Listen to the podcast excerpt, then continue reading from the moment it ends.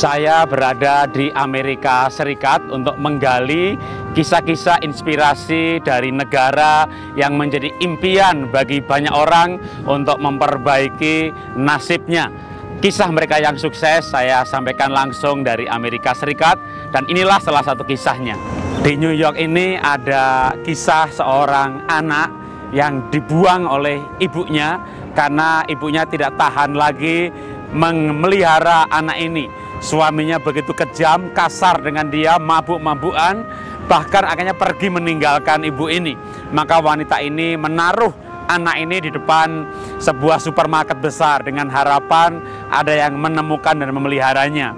Namun celakanya sampai hari yang ketiga anak ini masih duduk di depan pintu supermarket.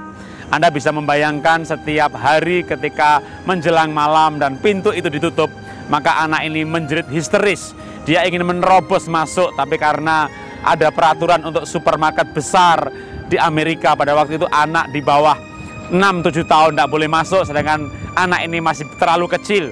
Maka dia nggak boleh masuk dan dia berteriak bahwa mamaku ada di dalam, mamaku ada di dalam. Namun dia ditahan dan dia akhirnya hanya duduk lesu di depan pintu. Sampai esok harinya, esok harinya, esok harinya, hingga hari yang ketiga anak ini dipungut oleh sebuah uh, oleh pegawai sebuah panti asuhan. Anak ini dipungut panti asuhan dan hidup dalam panti asuhan dengan perilaku yang sangat diem. Dia jarang berbicara, tapi sekali dia berbicara, dia membantah, dia melawan.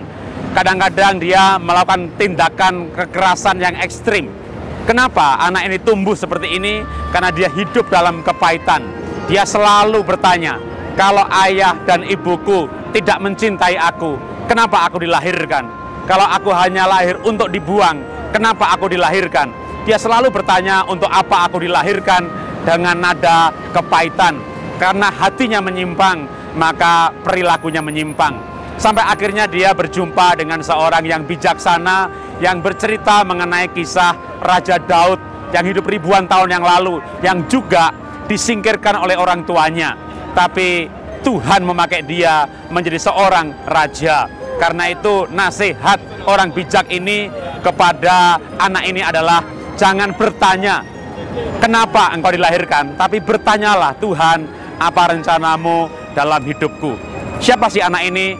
Dia bernama Bill Wilson, orang yang akhirnya berhasil sebagai tokoh masyarakat di kota New York ini.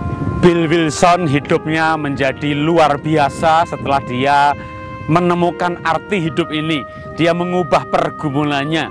Kalau sebelumnya dia bergumul, kalau ayah dan ibuku tidak mencintai aku, kenapa aku dilahirkan? Kenapa aku dilahirkan? Maka sekarang pertanyaannya berubah. Tuhan, apa rencanamu dalam hidupku? Aku pasti tidak begitu saja terjadi karena sebuah kecelakaan lalu lahir karena telur bertemu dengan sperma. Saya percaya bahwa Tuhan punya rencana yang luar biasa sehingga saya ini menjadi lahir dan hidup. Apa rencanamu Tuhan dalam hidupmu? Apa rencanamu? Bill Wilson bergumul mencari rencana Tuhan dalam hidupnya. Dan setiap tahap pergumulan dia meyakini bahwa hal ini adalah rencana Tuhan dia kerjakan sungguh-sungguh. Misalnya akhirnya dia meyakini bahwa berbuat baik adalah rencana Tuhan. Hidup berdampak adalah rencana Tuhan. Dia menemukan tujuan hidup, tujuan hidup untuk apa dia diciptakan, dia dan menjalankannya dengan sungguh-sungguh. Dan itulah kenapa hidupnya berubah menjadi berdampak dan maksimal. Karena itu, adakan waktu saat teduh sebentar, Anda boleh sejenak berdiam diri untuk merenungkan apa rencana Tuhan dalam hidup saya ini. Ketika Anda mendapat pencerahan dan menemukannya, saya percaya hidup Anda juga pasti menjadi luar biasa. Inilah inspirasi yang saya sampaikan dari Amerika Serikat. Salam dahsyat, luar biasa.